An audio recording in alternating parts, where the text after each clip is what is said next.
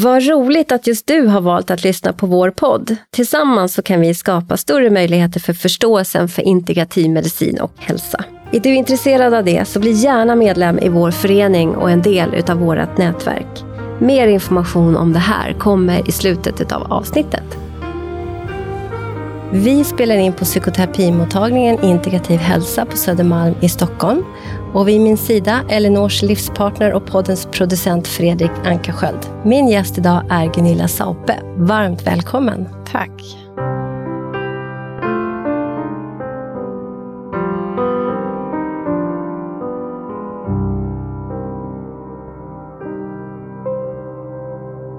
Gunilla, du är legitimerad läkare utbildad i Tyskland där du fördjupade dig i pediatrik, psykiatri och gynekologi. Du kom tillbaka till Sverige 1996 och har efter det arbetat som skolläkare och konsultläkare bland annat på Vidarklinikens öppenvårdsmottagning i Norrköping fram tills att de stängde 2017. I Sverige så har du främst blivit känd för din stora kunskap inom för sköldkörtelsjuka och har arbetat väldigt mycket som det. Det vet ju jag, för att jag har ju turen att ha dig som min läkare. Och 2013 och så utbildade du dig hos Anders Olsson till andningsinstruktör, vilket är lite särskilt roligt eftersom just Anders var gäst här i podden för två veckor sedan. Du är också, har ett stort intresse för qigong och är qigonglärare och när du inte arbetar som läkare, håller kurser, klasser och retriter så älskar du att vara i naturen, bland annat med din hund. Så Gunilla, när och hur vaknade ditt intresse för läkeri?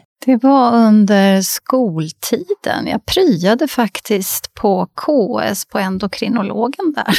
Jaha. Om jag kommer ihåg rätt. Och sen funderade jag under gymnasietiden på att eventuellt utbilda mig till eh, någon alternativ inom det alternativmedicinska. Men jag hade en lärare som väldigt mycket stöttade mig i att faktiskt söka mig till Tyskland efter just som det eh, alternativmedicinska är så mycket mer integrerat där. Mm, spännande.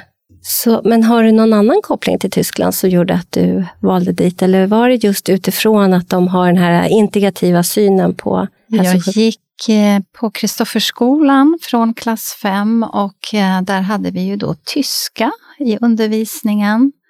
Och jag och mina syskon fick tillbringa var, var och en av oss en termin i Tyskland under gymnasietiden. Och, ehm, så att jag kom ju att liksom lära känna det tyska på den vägen. Och eh, genom att jag har haft ett visst intresse för antroposofisk medicin så är ju det liksom där man kan hitta mycket, flera sjukhus som jobbar med det mycket kunskap om den, det ja. antroposofiska finns ja. där. Ja. ja.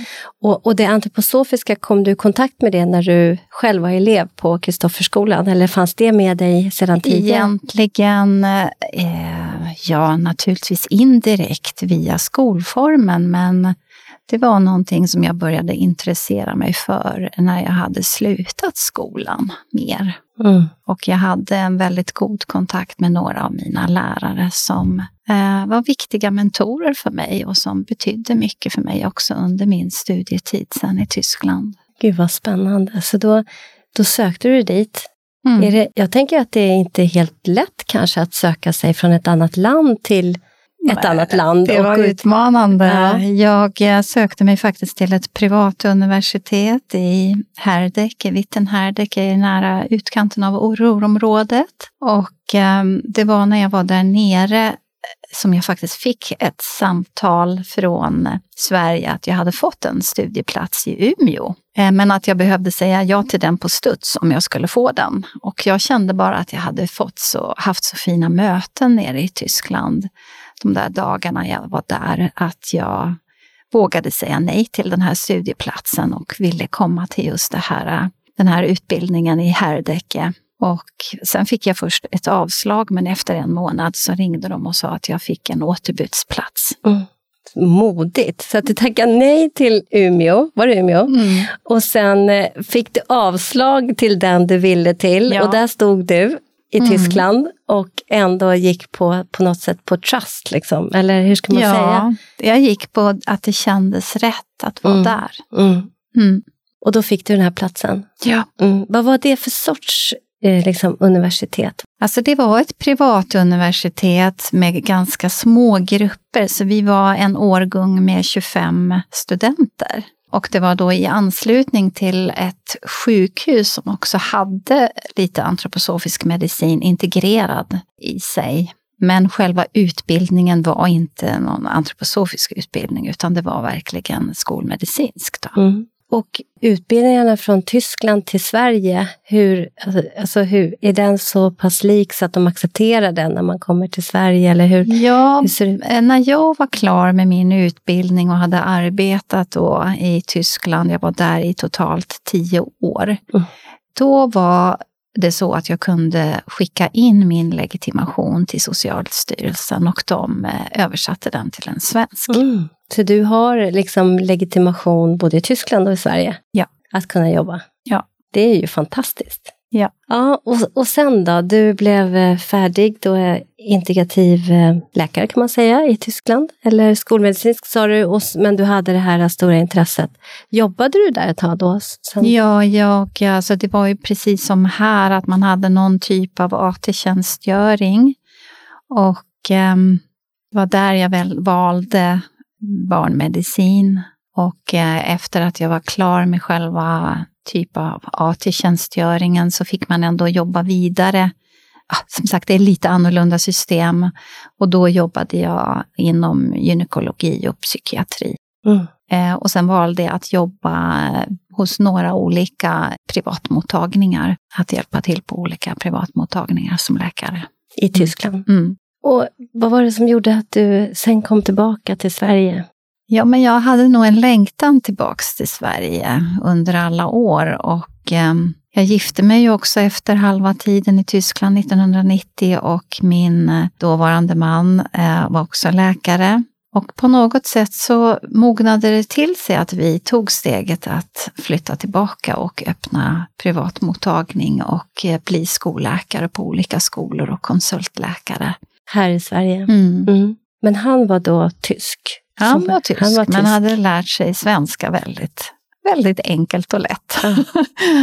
Ja, Ja, Så vi brukade tillbringa eh, vår lediga tid på sensommaren uppe i Dalarna. Det var Mm. dit jag längtade när jag bodde i Tyskland.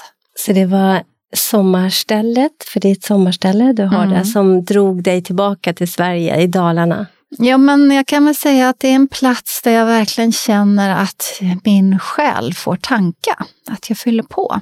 För jag känner ju till dina retriter. Mm. De har du ju där, eller hur? Ja, men jag har haft två helgretriter uppe i Dalarna vid sjön Gimmen. Mm. Jag har inte varit med själv, men jag har ju hört talas om dem. De har Mm. varit helt fantastiska för de deltagare som har varit med. Tack. Ja, vad roligt. Och, och din dåvarande man är ju Henning Saupe. Mm. Men han är inte kvar i Sverige, utan han flyttade sen tillbaka. Ja, han öppnade en klinik här i Sverige där han eh, integrerade hypertermi för bland annat eh, cancersjuka. Och eh, det var eh, ganska mycket investeringar i olika apparater och sen när han inte fick möjlighet att jobba vidare med dem så valde han att flytta tillbaks till Tyskland och fortsätta sitt arbete där. Mm. Och har startat Arcadia-kliniken. Mm. Och, och du valde att stanna kvar i Sverige. Ja, vi var ju, hade redan separerat Mm. innan han tog det steget. Mm. Och som jag beskrev då så har du, du var ju konsultläkare på Vidarklinikens öppenvårdsmottagning i Norrköping. Mm. Och skolläkare, var det också på eh, Waldorfskola som du var skolläkare? Eller? Ja, jag har hjälpt till på många olika skolor. Mm. Det har varit lite olika särskolor men även eh, Waldorfskolor. Egentligen fram till jag födde mina två sista barn Mm. som är födda 2005 och 2007. Mm, mm. Fyra barn är du Fyra lyckligt barn har jag med. idag. Ja. Ja, och efter det kände jag, efter den sista mammaledigheten, att jag ville fokusera mer på ett område. Att det blev lite splittrat att åka runt. Just det. Och Eh, då gick jag lite fortutbildningar eh, med bland annat för Holistic som handlade om binjurar och sköldkörtel. Och jag blev inbjuden av Sköldkörtelförbundet, eller föreningen då, att eh, vara med på något, någon helg med bland annat Karin Münsterhjelm från Finland.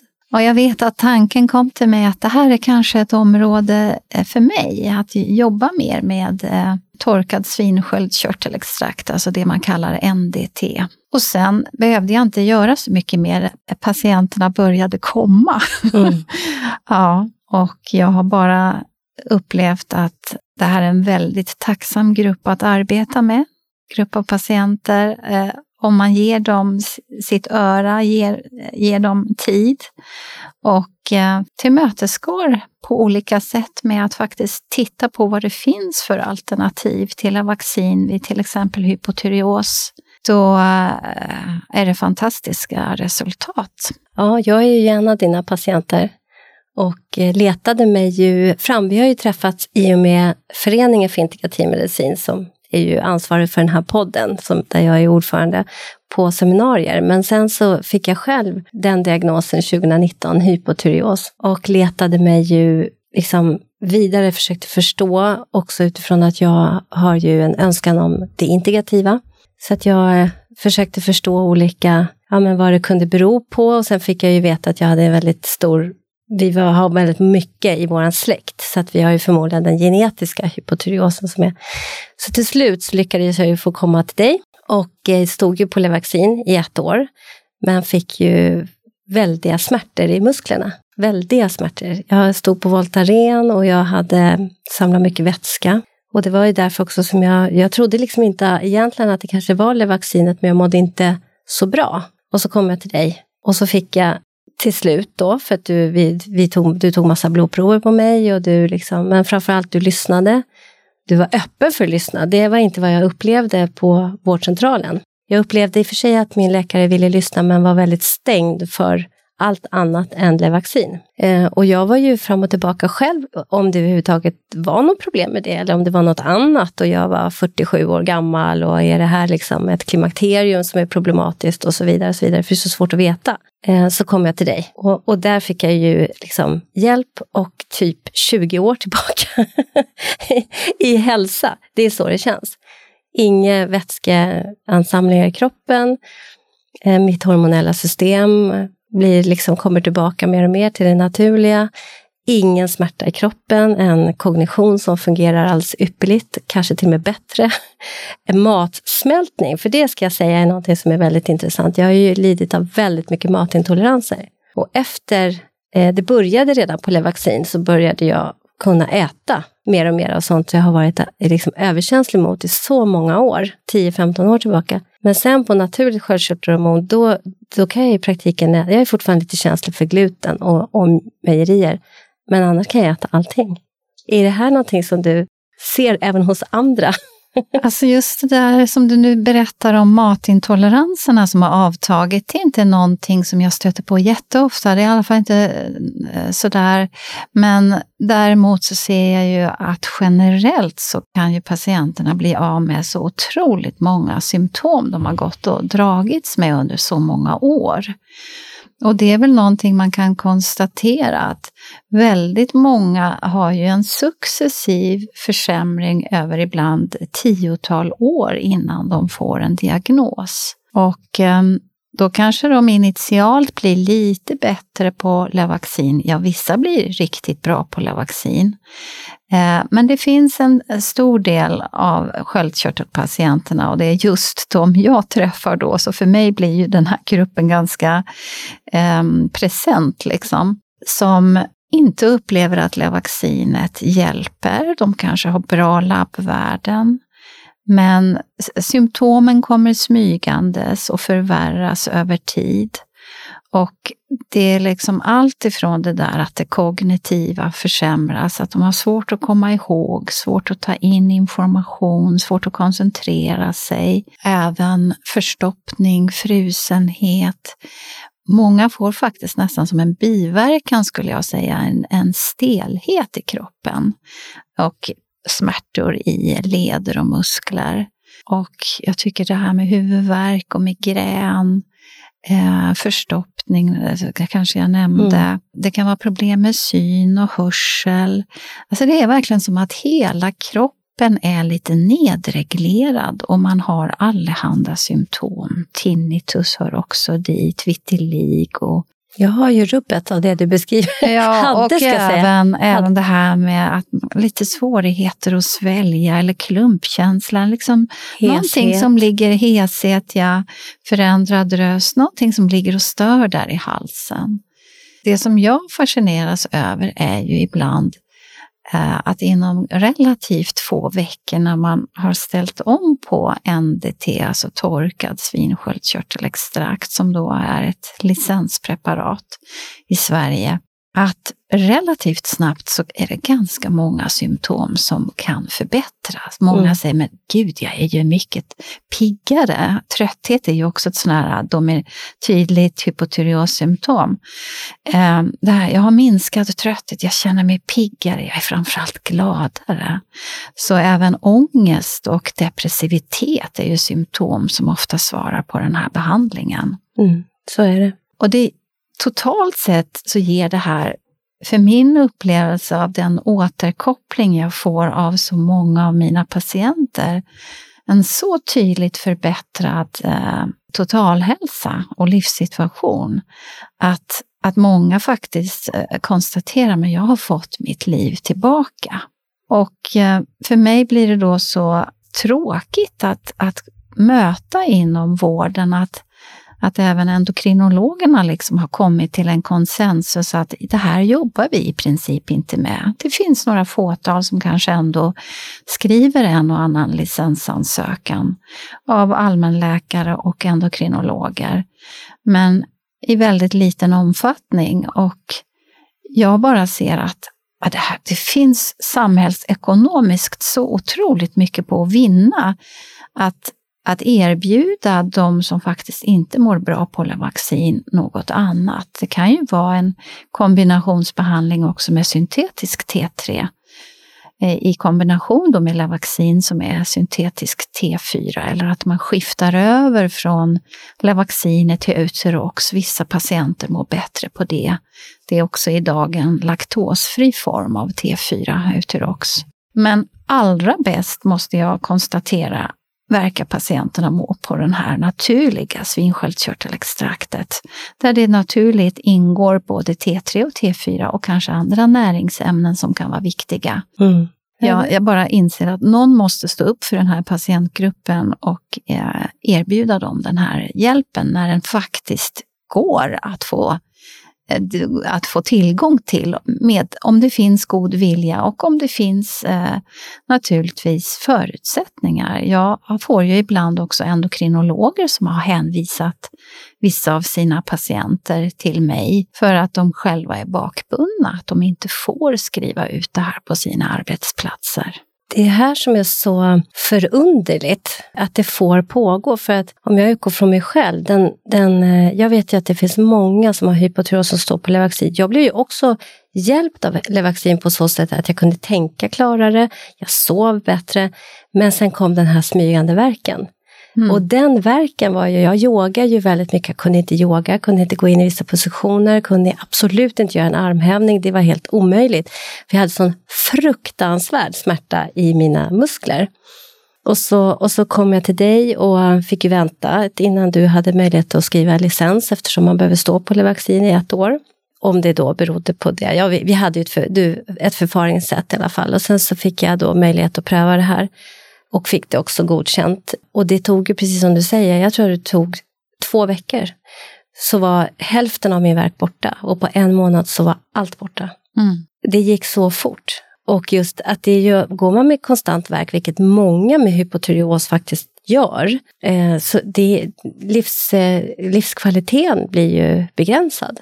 Ja, alltså jag lyssnade, jag tror att det var 2008 eller 2009 som eh, Dr. Mark Starr var i Sverige och bland annat talade inför endokrinologer och andra intresserade läkare här i Sverige. Och eh, jag vet att eh, han eh, delade med sig av sina erfarenheter med NDT-behandling. Och han sa det att det man verkligen kan se en tydlig påverkan på det är depressivitet, migrän och smärta. Så han behandlade många smärtpatienter med det här. Alltså hade jobbat mycket med, med, dem, mm. med den gruppen. För mig var det väldigt tydligt eftersom jag, hade in, jag har haft smärta och stelhet. Men den blev ju väldigt, väldigt mycket mer förvärrad under Levaxinbehandlingen som jag hade i drygt ett år då. Mm. Och att det försvann så fort ja. på NDT. Och nu ska jag ju säga så här att det är ju som du sa i början också, det är ju, andra, det är ju människor, patienter som mår bra på, på Levaxin. Men det är ju den här stora gruppen av oss som inte gör det. Och som behöver också bli, det har ju varit eh, reportage i tidningar och diskussioner och så vidare. Så det är ju väldigt märkligt att man inte tar det här vidare. Vad tror du, vad handlar det om? Varför gör man inte det? Jag tror att um, en bidragande orsak till det är att det krävs ett licensförfarande idag som tar tid. Från läkaren? Ja, liksom. mm. att du behöver samla in labbdokumentation från innan Levaxin sattes in, sen också från de senaste åren. Och det tar tid att samla ihop det här materialet, att formulera en licensmotivering. Och de flesta har inte den tiden. Så det är en anledning. Och en annan anledning, eh, jag vet att jag har tagit över en del patienter från en läkare i, i Uppsala, är det väl, som eh, hade ett 50-tal patienter som han hjälpte med NDT. Men hans mottagning blev sen eh, debiterad för de ökade kostnaderna som det innebar jämfört med vaccinbehandling. Jag vet inte om det helt enkelt överskred deras läkemedelsbudget i, på hans vårdenhet där då. Och um, då tvingades han att sluta för annars fick mottagningen stå till svars för de ökade kostnaderna. Sen så är det ju så att när man erbjuder en kombinationsbehandling med antingen syntetisk T3 eller då T4, de två i, i, syntetiska preparaten i en kombination. Eller om man väljer att göra en kombinationsbehandling i form av NDT. Då blir det annorlunda labbvärden än vad man annars är van vid. Det har liksom blivit så att vi tittar väldigt mycket på labbvärdena och inte så mycket längre på symptomen. Jag kan se att de allra flesta patienterna som erhåller T3 i någon form, när de är välinställda och mår så optimalt bra som möjligt, då har de oftast ett pressat TSH. Vad betyder det, pressat TSH? Det betyder att TSH ligger under referensintervallet. Mm. Det kan variera lite från labb till labb hur de här referensvärdena ligger, men T4 ligger i regel någonstans mellan 0,4 och 4,0. Och då kan det bli ett pressat TSH på 0,01. Eh, och då tänker många läkare, det är ett sånt TSH-värde vi ser när vi, har, eh, när, vi alltså när vi söker eh, och hittar en överfunktion av sköldkörteln. Men då är det här pressade TSH oftast kombinerat då med förhöjda värden av sköldkörtelhormonerna T3 och T4. Men i det här fallet så kanske man bara får det här pressade TSH och T3 och T4 kan fortfarande ligga i nedre referensintervall. Och de allra flesta patienterna mår bättre när de ligger i det mellersta eller lite mot det övre referensintervallet med sitt T3 och T4.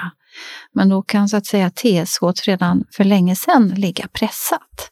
Och det där är naturligtvis, om man inte har den erfarenheten, då blir det ju liksom lite skrämmande att oj, här har jag plötsligt försatt min patient i en överfunktion labbmässigt i alla fall, då tänker man utifrån eh, det här pressade TSH. Men det behöver inte vara så. Patienterna kan känna sig alldeles ypperliga och inte ha, uppvisa några symptom på överfunktion. Jag har ju i min strävan att förstå min hypotyreos innan jag kom till dig, så anslöt jag till många olika såna här trådar på lite olika forum. Eh, där man diskuterar hypotyreos och olika behandlingsformer och olika läkare, men man diskuterar där. Och där är det ju väldigt många patienter som säger det att jag mår mycket bättre på ett pressat TSH eh, i olika former av, och jag tänker de är så många som vittnar om det.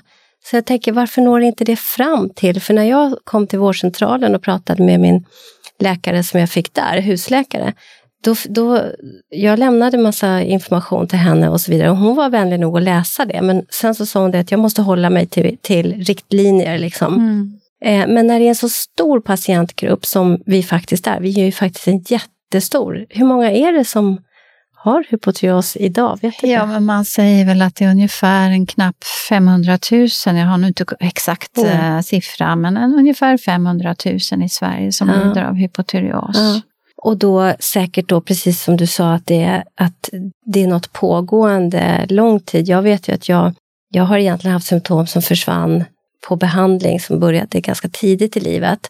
Och med tanke på den stora herediteten i våran släkt så tänker jag att ja, men det kanske har haft en liksom mindre fungerande sköldkörtel hela livet egentligen. Mm. Eh, men jag gick 15 år innan jag nu fick diagnosen så gick jag till vårdcentralen och sa, jag är ju sjuksköterska i botten, och sa att jag har alla symptom på hypotyreos, kan du ta prover på mig? Och det, och det gjorde den läkaren. Men jag, hade, jag, låg liksom, jag låg kanske lite över, liksom, jag låg på 3,6 eller någonting sånt där. Mm. Suboptimalt med T så kan man säga då, ja. men inom referensvärdet och då reagerar inte Nej. de flesta läkare. Men jag tänker så här att då har jag gått med någon form av subklinisk hypotyreos och det hade ju varit jättebra att på något sätt kunna eh, fått hjälp för det redan där och då med tanke på liksom livssituation och småbarn och ork och energi och ja men du vet livspusslet. Liksom. Men det har man inte heller någon så stor kunskap om. Så jag tänker, vad säger, alltså det finns mycket att lära om de här labbvärdena. Ja, jag tror att det är verkligen det som eh, läkarkåren behöver verkligen se över så är det hur, föränd- hur ser labbvärdena ut innan vi har satt någon diagnos överhuvudtaget. Då kan de vara vägledande för att ställa en diagnos om överfunktion eller underfunktion. Men när vi väl behandlar, då behöver vi ha andra referensintervall och vi behöver verkligen se att det blir väldigt lätt ett pressat TSO om vi har T3 med i behandlingen. Mm, vilket är intressant. Ja, och att man verkligen måste ha en samsyn mellan symptom eh, och labbvärden, det allmänna måendet och verkligen lyssna in patienterna. Mm. Det finns ju även patienter som har kommit till mig som på en ren T4-behandling också har sagt att de har mått som bäst när de har haft ett pressat TSO. Mm. Ja, men det är ju det jag också har hört mm. och sett mm. i så många trådar. För jag verkligen, jag blev ju sjukskriven på grund av min hypotyreos som hade gått ganska långt. Då. Och, då, och då hade jag ju tid att, att liksom sätta mig in i, i det här. Ja. Och önskan om att sätta mig in. Och det, alltså det, är, det är horder av människor som har problem. Och där du nämns ju. Du och Cecilia Tibell nämns ja. i de här forumen som liksom åh, den här läkaren. Och nu vet jag att du har, har ju ganska lång väntelista för att du eh, har så mycket patienter. Alltså min intention framåt är verkligen att sprida den här kunskapen. Så är det någon läkare som vill fördjupa sig i det här så delar jag väldigt gärna med mig av mina kunskaper, mina erfarenheter jag har samlat de här åren. Och jag ser ju att eh, alltså jag kan bara begr eh, hjälpa begränsat många patienter. Mm. Mm. Vi behöver bli många fler som tar oss an den här patientgruppen. Ja, för att det är ju så att när man inte får den här hjälpen via vanliga vårdcentralen och inte mår bra och söker sig vidare. Människor har ju liksom en önskan, liksom jag själv, jag betalar för den hjälpen. För att det är, är ju förenat med livskvalitet. Och som du sa i början, sköldkörteln påverkar så många funktioner i, i kroppen att, att det, man blir som begränsad i sitt liv och, och sin livsprocess. Att jag tror att många ser till helt enkelt att få betala för den hjälpen. Ja, det är faktiskt många som eh, när de inte mår bra på Lavaxin så eh, hamnar de i halvtids eller deltidssjukskrivningar, ibland heltidssjukskrivningar. Och ehm, jag menar, kan man häva det och komma tillbaks till arbetslivet, orka med sina familjer utan att bara behöva vila på kvällar och helger, då är det så otroligt mycket vunnet.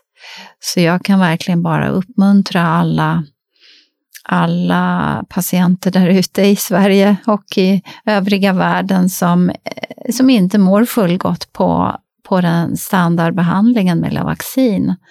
Att ge inte upp, sök vidare, söker till olika eh, poddar och till olika föreningar och eh, leta helt enkelt med ljus och lykta efter en väg till att få det ni behöver. Mm, verkligen. Mm.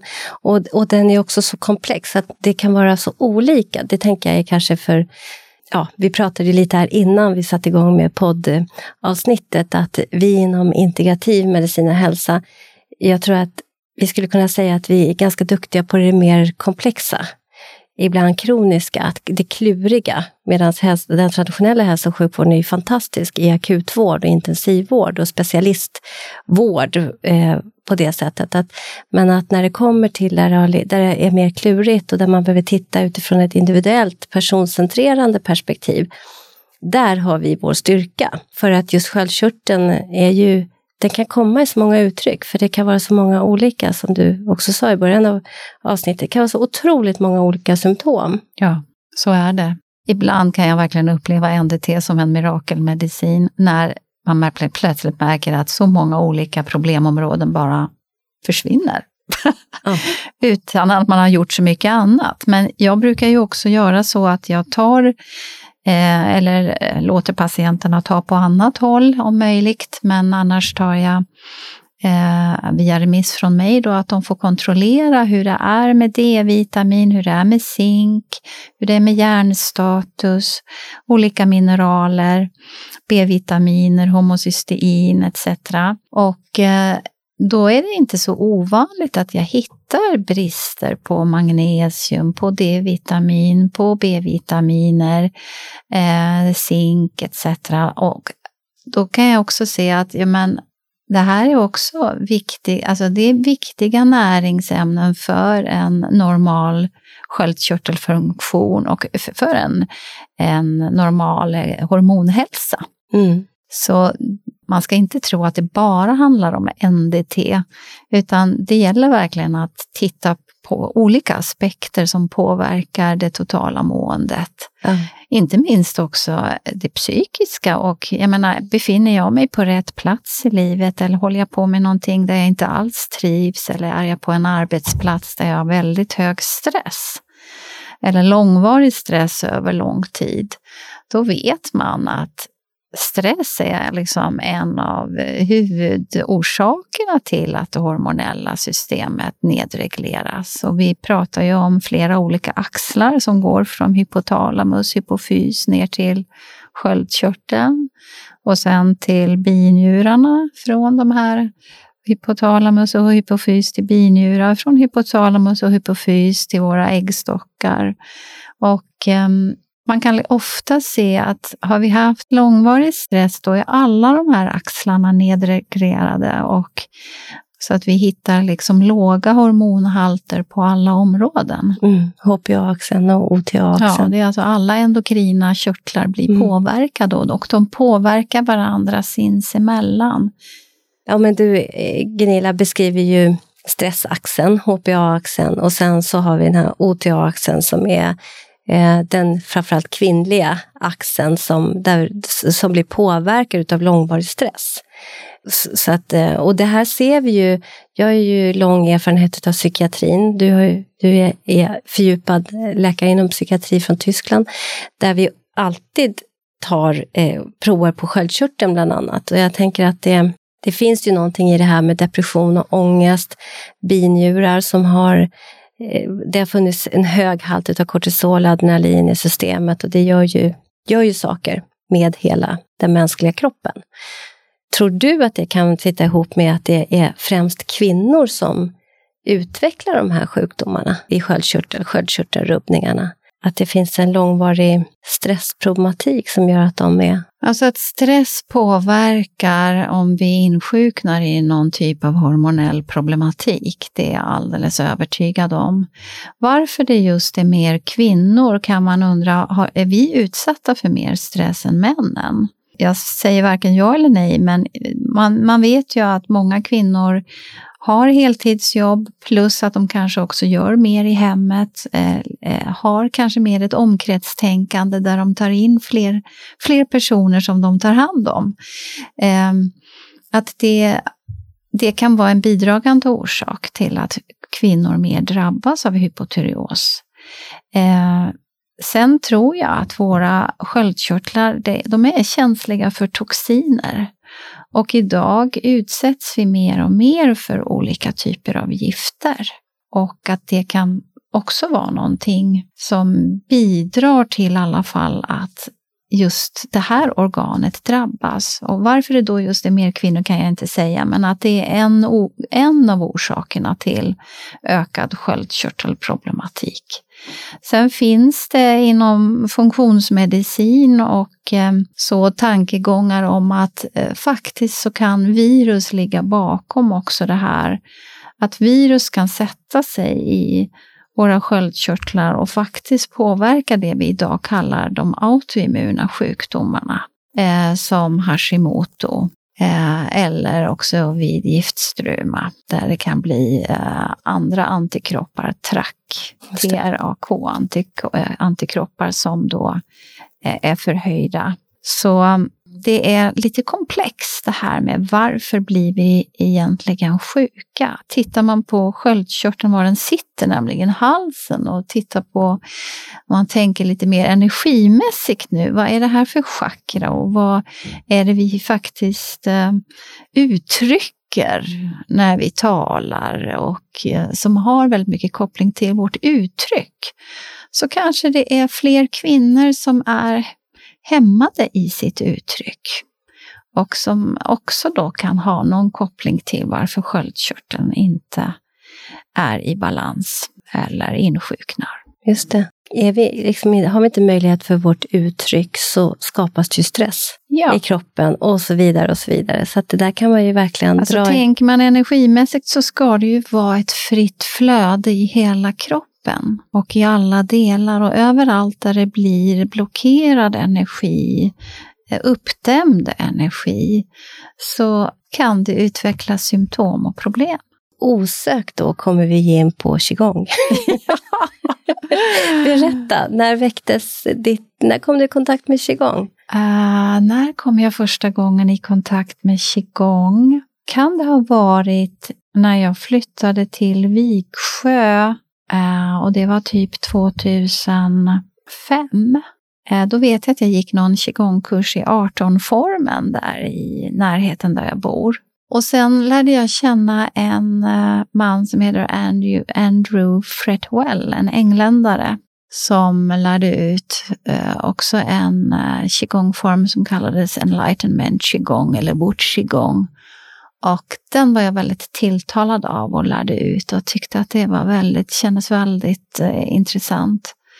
Och sen var det 2015 som jag lärde känna eh, Master Yuan Tong Liu från Kina, en qigong-lärare, mästare, som har kommit till Sverige regelbundet sedan dess. Och eh, där jag bara kände att den här typen av qigong, nämligen chinen qigong, den eh, känns så stärkande, för den stärker verkligen den inre människan. Och jag ser det som ett, eh, ett av de viktigaste sakerna i vår tid, är att vi inte bara förlorar oss i yttre aktivitet, utan att vi verkligen vårdar stillheten och det inre. Och där finns det ju många olika vägar till att göra det. Meditation, eh, yoga, yoga med, alltså vara i naturen. Men i den här qigongen kan jag verkligen uppleva att man så eh, väldigt starkt jobbar med att stärka vårt inre ljus. Skapa ett, en balans mellan det inre och det yttre. Uh, och det brinner jag för att förmedla till mina patienter att vi är faktiskt våra bästa läkare själva genom att bara fylla på oss uh, och stärka så att säga våra olika kicentra och bland annat då nedre dantien där vi, där vi verkligen har vårt eget kraftcentrum. Mm. Och um, det gör sån skillnad när vi börjar komma hem i oss själva. Jag kan känna för egen del när jag började träna dagligen qigong, vilket jag gjorde i slutet av 2015 och har hållit på med sedan dess, att jag är mycket mindre sjuk idag. Jag hamnar inte på samma sätt i utmattningssvackor.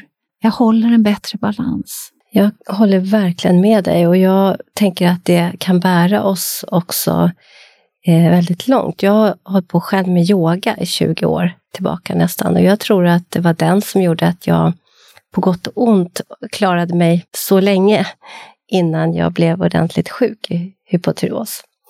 Apropå att det, om vi stärker vårt, alltså vårt inre ljus, vår stillhet och följer andetaget, att vi stillar våra olika, apropå axlarna vi pratade om här tidigare, att vi stillar stressen genom andetag, genom närvaro, genom sammanhang som faktiskt håller. För de här sammanhangen med qigong eller yoga, meditation, mindfulness, det blir liksom en space. Det blir mm. andra också som håller space vi håller space för varandra, där man kan hitta tillbaka till någonting som reglerar oss helt enkelt. Ja, alltså jag har kommit fram till att det här med återhämtning är ju A och O. Mm. Vi behöver hitta verktyg i vår vardag där vi kan liksom se till att vi kommer ner med våra stressnivåer, där vi kommer in i eh, avslappning. Och när vi gör det, ja, då kan våra kroppar också återhämta sig och faktiskt självläka. Mm. Så det är för mig ett väldigt viktigt eh, tema med mina patienter, att ja, men vi behöver stärka självläkningen på olika sätt. Och där är naturen så hjälpsam att vi faktiskt spenderar tid i naturen, för den har väldigt mycket läkande effekt på oss. Den får oss att varva ner. Det är viktigt med rörelse. Eh, och är vi väldigt stressade, det, men då ska det inte vara för stark, för mycket eh, aktivitet. Utan jag har ju haft eh, patienter med utmattningssyndrom som har älskat att, att träna, men plötsligt så säger deras kroppar ifrån. Varje gång de har tränat fysiskt för massivt så, så får de liksom en halsinfektion eller blir så utmattade att de måste återhämta sig flera dagar. Och då blir det ju så tydligt att det kanske kroppen har klarat tidigare att nej men nu gör den inte det längre. Nu måste man lyssna på kroppen. Och det är ju också det där, hur lyssnar vi in oss själva? Vi behöver stillhet för det. Vi behöver stillhet. Vi behöver reflektionstid. Och um, vi behöver komma ner i varv. Och det här är ju liksom livspusslet idag för många. Hur skapar jag återhämtningsfaser? Vad gör jag för att hämta hem mig själv igen om jag har tappat bort mig i för mycket aktivitet. Ibland har vi ju en livssituation där vi måste bara igenom, klara av, om det nu är tentor eller vissa arbetspass eller att ta hand om sjuka anhöriga och så vidare. Gå igenom skilsmässor, men hur gör jag för att komma tillbaka? Och där gäller det att eh, se över livet och dra ner på stressen. Integrera mer av det vi faktiskt som ger oss glädje. Och där ser jag att qigongen bland annat, den kan hjälpa till en hel del. Många av mina deltagare på mina qigongkvällar som jag har på tisdagar då i Jakobsberg mellan 18 och 20.00 på Aspnäsvägen 22. De brukar säga just det att oj vad skönt det här var det, jag blev så lugn. Mm. Vi springer ju i det här ekohjulet. och på något sätt tänker jag också att den här pandemin som vi har varit i och är i har gett oss alla en ny inblick i att stilla oss. För vi blev tvungna att stilla oss å ena sidan och sen är det många som har varit i väldigt stor rädsla. Men just att vara hemma, att det, vi kan få nya, jag tänker att det finns bra saker att hämta ur den här pandemin också? Ja, jag har faktiskt flera patienter som har uttryckt att de har, genom att de har jobbat hemifrån, så har de eh, kunnat ta hand om sig på ett helt annat sätt. Det har inte gått lika mycket tid till det här med resorna. De har fått till det här med eh, promenader, kanske lite mer yoga och annat eh, på hemmaplan. Och att de mår bättre i det. Verkligen. Och är lika presterande som de var när de jobbade på plats. Nu när restriktionerna skulle tas bort så var det några av mina patienter som sa att Nej, jag är livrädd för det, att vi ska börja gå till, behöva gå tillbaka till kontoret. Mm. jag, jag har hittat rutiner och sätt att kunna vara hemma och just där som du säger, sparat tid mm. på att jobba hemifrån. Så att det finns fram och baksidor, men just den här stillheten, vi har varit i någon sorts ekohjul och springer och springer och springer för att få ihop den här, det här samhället gemensamt. Och vi har också idéer om allt vi måste ha, så vi måste jobba och tjäna så mycket och så vidare. Som, som ehm, till slut så har, tror jag man slutar tänka, man gör som alla andra. Och nu blev det en pattern interruption i vår, allas våra liv. Ja. Och då kan man börja, då, ja, börja se, syna lite grann. Hur lever vi egentligen? Vad är det som är viktigt? Och vad, det här med stillheten. Den psykiska ohälsan har ju skenat iväg under pandemin, vilket också sitter ihop med den här inre stressen. Att liksom, det gjorde det i alla fall i början av pandemin. Jag vet faktiskt inte exakt hur det ser ut nu, men det gjorde det i början.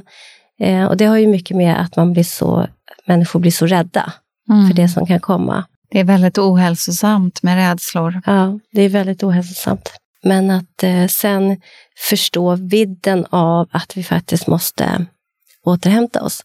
Och den ser ju olika ut. Jag vet någon annan som, har varit, gått ut och ätit varje dag, fast eh, hen har jobbat hemifrån. Att, att det är också ett sätt att reglera sig. Vi måste få möta människor. Det beror på vår livssituation. Hur ser vår livssituation ut? Eh, vad behöver vi? Och den är ju högst unik. Mm. Apropå någon sorts isomorfi, gemensamt mönster med hypotyreos, att det kan vara väldigt många vägar in i den sjukdomen, precis som många vägar ut ur den ja. och, och vår livssituation. Något som jag i alla fall kommer in mycket på med mina patienter, det är ju att eh, också se över vad är det vi äter? Eh, och att, att bli medveten om att vissa eh, livsmedel, de belastar våra kroppar och är svårsmälta och gynnar inte kroppens egen självläkningsförmåga. Så det blir liksom att man jobbar i motvind om man äter fel saker eller och eh, att, att eh, lyfta medvetenheten om det. Om du skulle säga så här generellt sett, eh, vad, som läkare, och det är förstås utifrån den unika människan, man måste ju på olika sätt ta reda på vad som gäller för en själv. Men så där, generellt, vad ser du är sådana liv, livsmedel som många skulle må bra av att undvika? ja, men det är det man brukar kalla de vita gifterna vitt mjöl, alltså glutenhaltiga spannmål. Det är eh, det vita sockret, raffinerat socker. Och det är eh, mjölkprodukter. Alltså de här tre är väl gemensamt för många dieter som faktiskt har eh, positiva effekter på vår hälsa, att man utesluter dem. Överhuvudtaget utesluter raffinerad mat och det som innehåller mycket konserveringsmedel och färgämnen och tillsatsämnen. Laga din egen mat helt Laga enkelt. Mat Laga från mat från grunden. grunden. Mm. Använd så mycket ekologiskt som möjligt för gifter har vi tillräckligt av redan i våra kroppar. Och eh, jag ser väldigt många som på bara de här, när de eh, förändrar det i kosten med mjölk, socker och gluten, att det blir stora förändringar. Eh, och sen kan man naturligtvis finslipa utifrån det egna utgångsläget. Det var någonting som jag tänkte säga när vi pratade just sköldkörtel. Att jag har tänkt en hel del kring det, för jag har ju varit inom integrativ medicin i jättemånga år och ätit högkvalitativa kosttillskott. Eh, när jag har försökt, eftersom jag har haft olika problem med magen helt enkelt och, och liksom inte fått upp mina värden riktigt i blodprover och sådär. Jag tyckte att det här är jättekonstigt. Förrän nu, när jag har en, en eh, hypotyreosbehandling och framförallt NDT. Och då tänker jag att det, det är också det här med att ta upp mat. Att människor med hypotyreos har oftast låga D-vitaminvärden, som du nämnde. Det har jag också läst på. Att det kan ju göra någonting med upptaget, att vår, hur vi smälter maten, att det på något sätt sitter ihop. Som sagt, det är för min del ett outforskat område hur mycket NDT, alltså torkad svinsköldkörtelextrakt, kan faktiskt påverkar vårt näringsupptag. Men det är intressant att många med hypotyreos har låga, alltså inte de bästa Ja, vad det gäller vitaminer och ja, mineraler, ja. att de inte ligger helt optimalt. Nej, nej. Ja. Man vet ju också det att eh, många, jag skulle säga de allra flesta, är mer eller mindre känsliga för gluten. Alltså gluten är egentligen inte nyttigt för någon av oss. Sen kan man ju ha en uttalad celiaki, liksom, där verkligen tarmluddet och allting försvinner. Eh, men man kan ha liksom mildare former av glutenkänslighet. Och ehm, man vet att, att det skapar så att säga en terräng för andra överkänsligheter också. Så därför tror jag väldigt mycket på att, ehm, att faktiskt avlasta våra kroppar från det man vet inte gynnar självläkningen. Och man säger ju det att det, det är sådana här inflammationsfrämjande livsmedel. Jag är själv uppvuxen med mycket mjölkprodukter, mycket socker och eh, gluten absolut. Och jag vet ju att jag som tonåring nästan alltid hade svullna halslymfkörtlar och återkommande halsinfektioner. Och, alltså jag kan se idag att visst finns det ett samband med, med den typen av livsmedel. Så har man en infektionskänslighet, överhuvudtaget någon typ av kronisk sjukdom, så är min varma rekommendation att faktiskt prova en månad eller två att plocka bort de här livsmedlen och bara se vad händer med, med dina symptom. Liksom. Mm. Absolut. Och det kommer ju väldigt mycket forskning hela tiden ja. kring det här, så det är egentligen inget kontroversiellt heller, utan och jag, jag, tyckte det var väldigt intressant när jag läste lite i David Perlmutter, han är neurolog och forskare från USA, där han faktiskt beskriver att de här livsmedlen påverkar inte bara vår tarmhälsa utan i högsta grad vår hjärna och nervsystemet. Så han kan ju se på sina patienter med neurologiska sjukdomar att de allra flesta blir mycket bättre. Verkligen. Så man ska verkligen veta det. Det är inte bara tarmen det handlar om, utan det är hela, hela kroppen det, som påverkas. Såklart. Jag tänker det, det är verkligen det som vi måste på något sätt tänka oss förbi. Att, det, att inte kroppen är ett, ett system där allting på något sätt sitter ihop.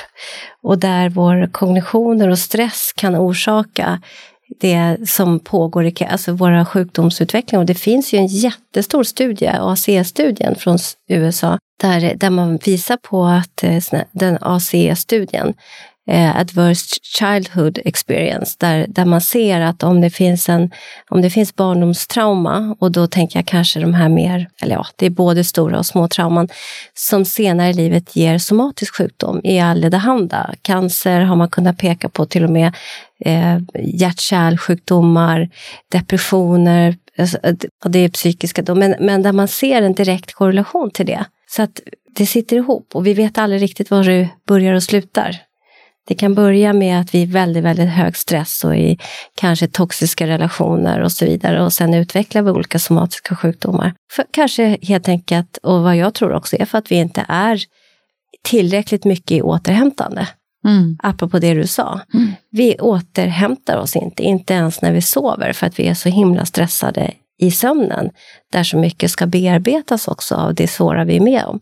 Så hur ska liksom kroppen kunna reparera allt det där och som ska städas under sömnen och så vidare? Ja, och det är ju också där man ser ju Många av oss vi somnar med mobilen eh, vid sidan om oss och man vet det här med elektromagnetiska eh, störningar liksom att, eller belastningar, att det, det är också någonting som påverkar vår sömn och vår återhämtning. Mm.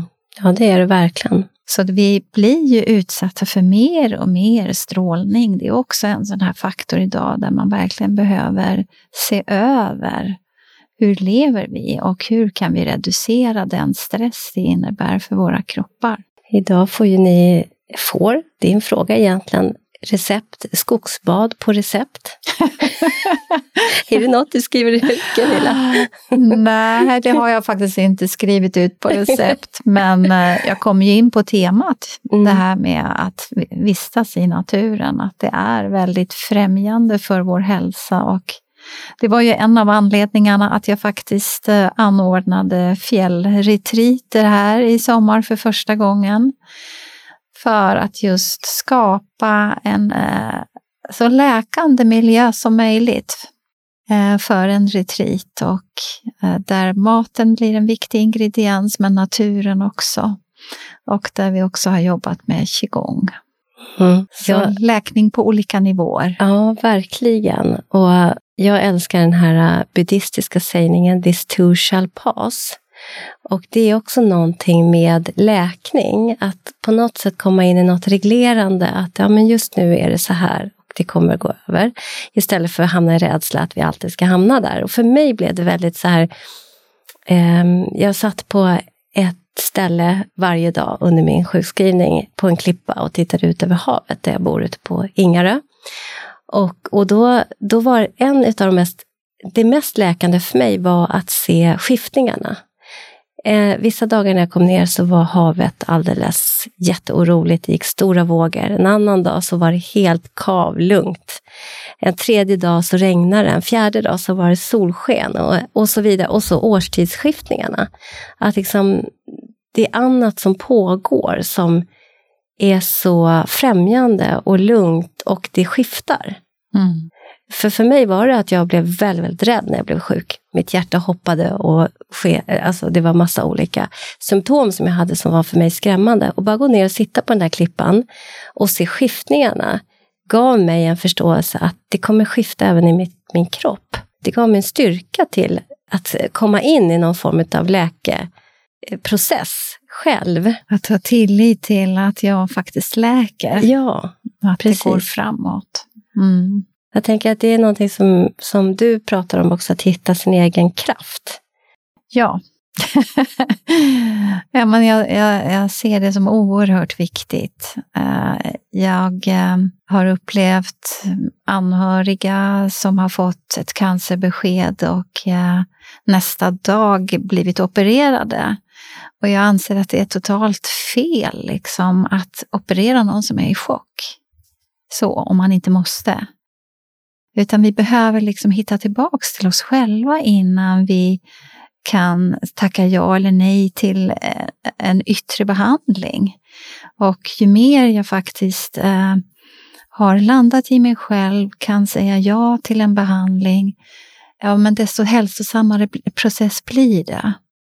Att jag kan hitta till mitt centrum och att agera inifrån, så att säga, inifrån mig själv i de beslut jag tar och så vidare.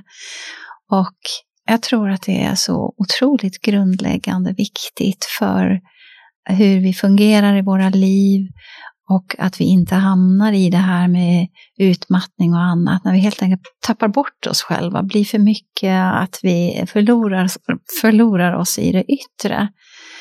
Det handlar verkligen om att se att vi, om vi har ett eh, fokuserat medvetande, att det i sig är läkande, att vi faktiskt kan, i qigongen jobbar man verkligen med det, att rikta det, det fokuserade medvetandet genom kroppen och att vi hela tiden fokuserar på att se oss själva friska. Att vi går alltså inte in och förstärker sjukdomsinformation, utan vi ger kroppen en frisk information med ett eget fokuserat medvetande.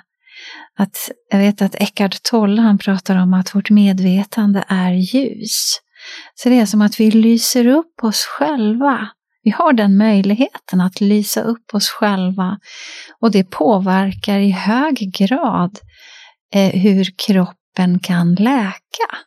Så det som kanske på naturlig väg skulle ta tre veckor kanske går mycket snabbare om jag dagligen lyser upp mig själv inifrån, riktar min medvetenhet till olika behövande organ. Den dagliga praktiken på något sätt för både kropp och själ. Ja den är, den är undergörande och den, det, finns, det skulle vi kunna göra nästan ett helt program om bara prata om hur det faktiskt biokemiskt också påverkar vår kropp. Men att mm. se vår, som psykoterapeut så ger jag ofta mina patienter att de ska börja dagen med att försöka hitta fem saker de är tacksamma för. Ja. Och många tänker först när, man, när jag säger det till dem att det är omöjligt. Det är svart för mig. Men det är inte omöjligt, utan de för allra flesta hittar någonting och ibland kan man behöva guida då, att bara att ha en säng och mat och möjligheten att komma till behandling. Alltså, det finns alltid någonting som vi någonstans kan hitta tillsammans som vi är tacksamma för. Och det, där börjar läkeprocessen. För där hittar man på något sätt igenom till ljuset. Ja, det här med tacksamhet är ju känt att det, det skapar liksom en sinnesstämning som är väldigt läkande i sig. Det är verkligen så.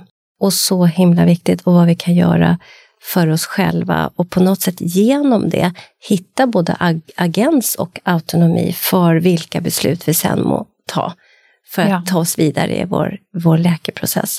Mm och livet över, överlag. Ja. Vi är ju i vår livsprocess där kroppen ständigt förändras, som någon klok person sa precis fem minuter innan vi började här. Det vill säga du. ja. Eller hur? Ja. Och det är viktigt att ta med oss det, att det är ju ständig process. Ja, det är en ständig process och eh, jag vill bara återanknyta en gång till det där med det du sa om det här med att vara i sin kraft. Det handlar ju också om att jag tar ansvar för mig själv och jag lägger inte ut på andra att det är det de är fel på. Så Eller viktigt. Att, att det är de som har gjort något. Jag har ju som läkare som jobbar i det här gränsområdet då med många saker som inte riktigt är integrerade i den vanliga sjukvården idag, fått en del anmälningar på mig. Och jag kan bara säga att jag tänker inte negativa tankar om IVO eller Socialstyrelsen. De gör ju bara sitt jobb. Kommer det in en anmälan så är ju deras arbete att se till att eh, se, se, över, finns det någonting som behöver åtgärdas? Finns det någon grund för den här anmälan som vi behöver eh, ta tag i? Så det här att, att vi blir varse är vi i ett, ett positivt tänkande? Tar vi ansvar?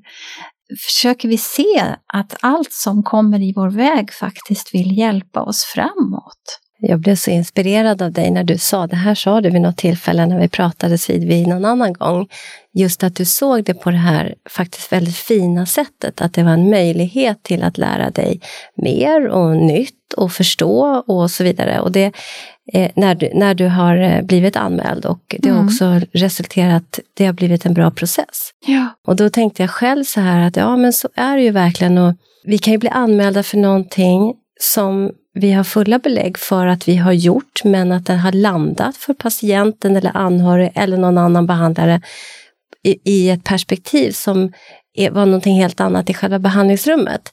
Vilket i sig gör att den här anmälan också kan komma i ett ljus utav någonting som inte fanns. Och därav har vi ju journalföringen. Så att IVO ska kunna gå in och titta på vad var det vi egentligen gjorde, för att det här känner vi till. Men att med det sagt så är det processer kring det här som man kan förstå mer utav. Hur blev det för patienten? Hur upplever andra vårdgivare det här? Mm. Kan de lära sig någonting? Kan jag lära mig någonting? Och då kommer vi tillbaka till hela föreningens eh, hela, men en stor utav vår intention är ju att lyfta det sokratiska samtalet. Och jag, för mig blev det ett sokratiskt samtal, ett sokratiskt förfaringssätt som du såg på för, för, liksom processen med IVO och och HSen till exempel. Att det, det, blir någonting mer, vi liksom kan förstå någonting mer tillsammans. Ja, egentligen är det ju oberoende. I mitt fall har det då varit eh, sådana eh, lite ansträngande situationer där jag har haft en anmälan på mig och kan hantera det. För någon annan är det någon annan utmaning. Men ju mer vi kan vila i oss själva och faktiskt se att vi är i en ständig utveckling. Livet kommer med sina prövningar och de är där för att vi ska växa som människor. har jag det synsättet att vad än jag möter i livet, att det är någonting jag kanske själv har packat i min ryggsäck och som liksom möter mig utifrån, men det är jag själv som någon, på något plan väljer det här för mitt eget växande. Ja, men då behöver jag inte lägga ut på andra, utan jag, jag kan liksom bara se att det finns en gåva i det som jag möter. Jag behöver hålla utkik efter gåvan. Jag kanske inte ser den omedelbart, men med tiden kommer det uppenbara sig. Vad är gåvan i den här prövningen?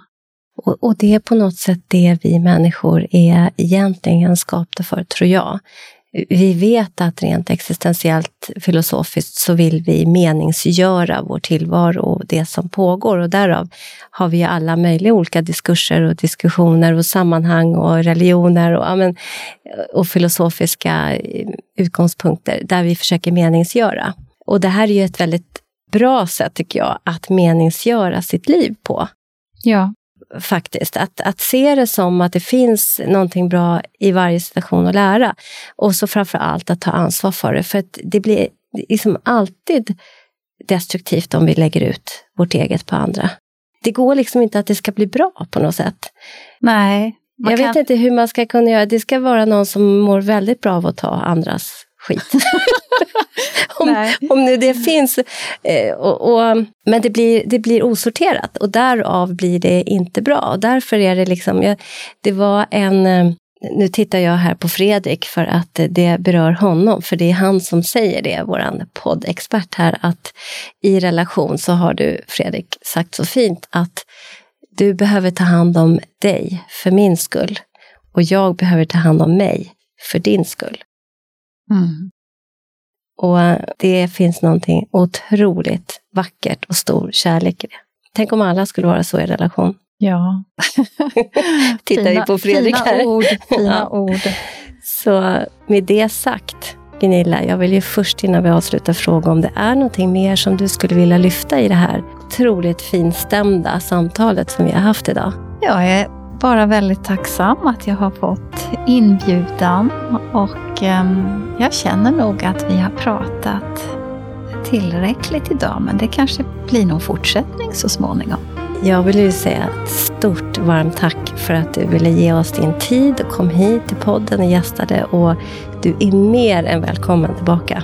Tack. Jag hoppas verkligen på att få ha dig som gäst här igen. Tack så mycket. Tack Gunilla Saab.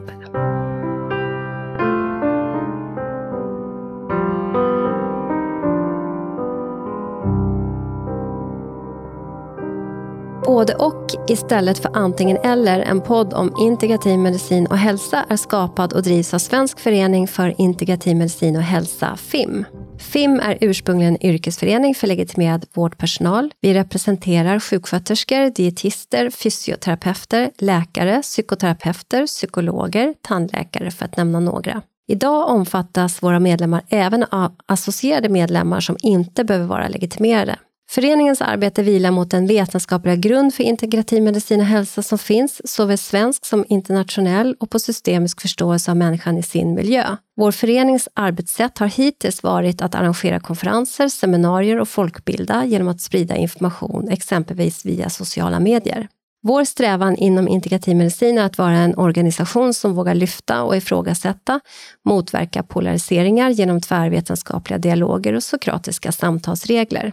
Vi vill kartlägga forskning som bedrivs, även internationellt, och hålla koll på aktuella forskningsresultat om behandlingsmetoder, både vad det gäller den etablerade vården liksom den vård som bedrivs utanför den etablerade vården. Sokratiska samtalsregler innefattas i den sokratiska samtalsformen som egentligen all grundläggande kunskap är sprungen ur, men som ibland till och med lyser med sin frånvaro i dagens public service. Så bli gärna medlem hos oss, för tillsammans kan vi förändra. Och hur du blir medlem hittar du via vår hemsida integrativ-medicin.se. Vi ses och hörs i nästa avsnitt.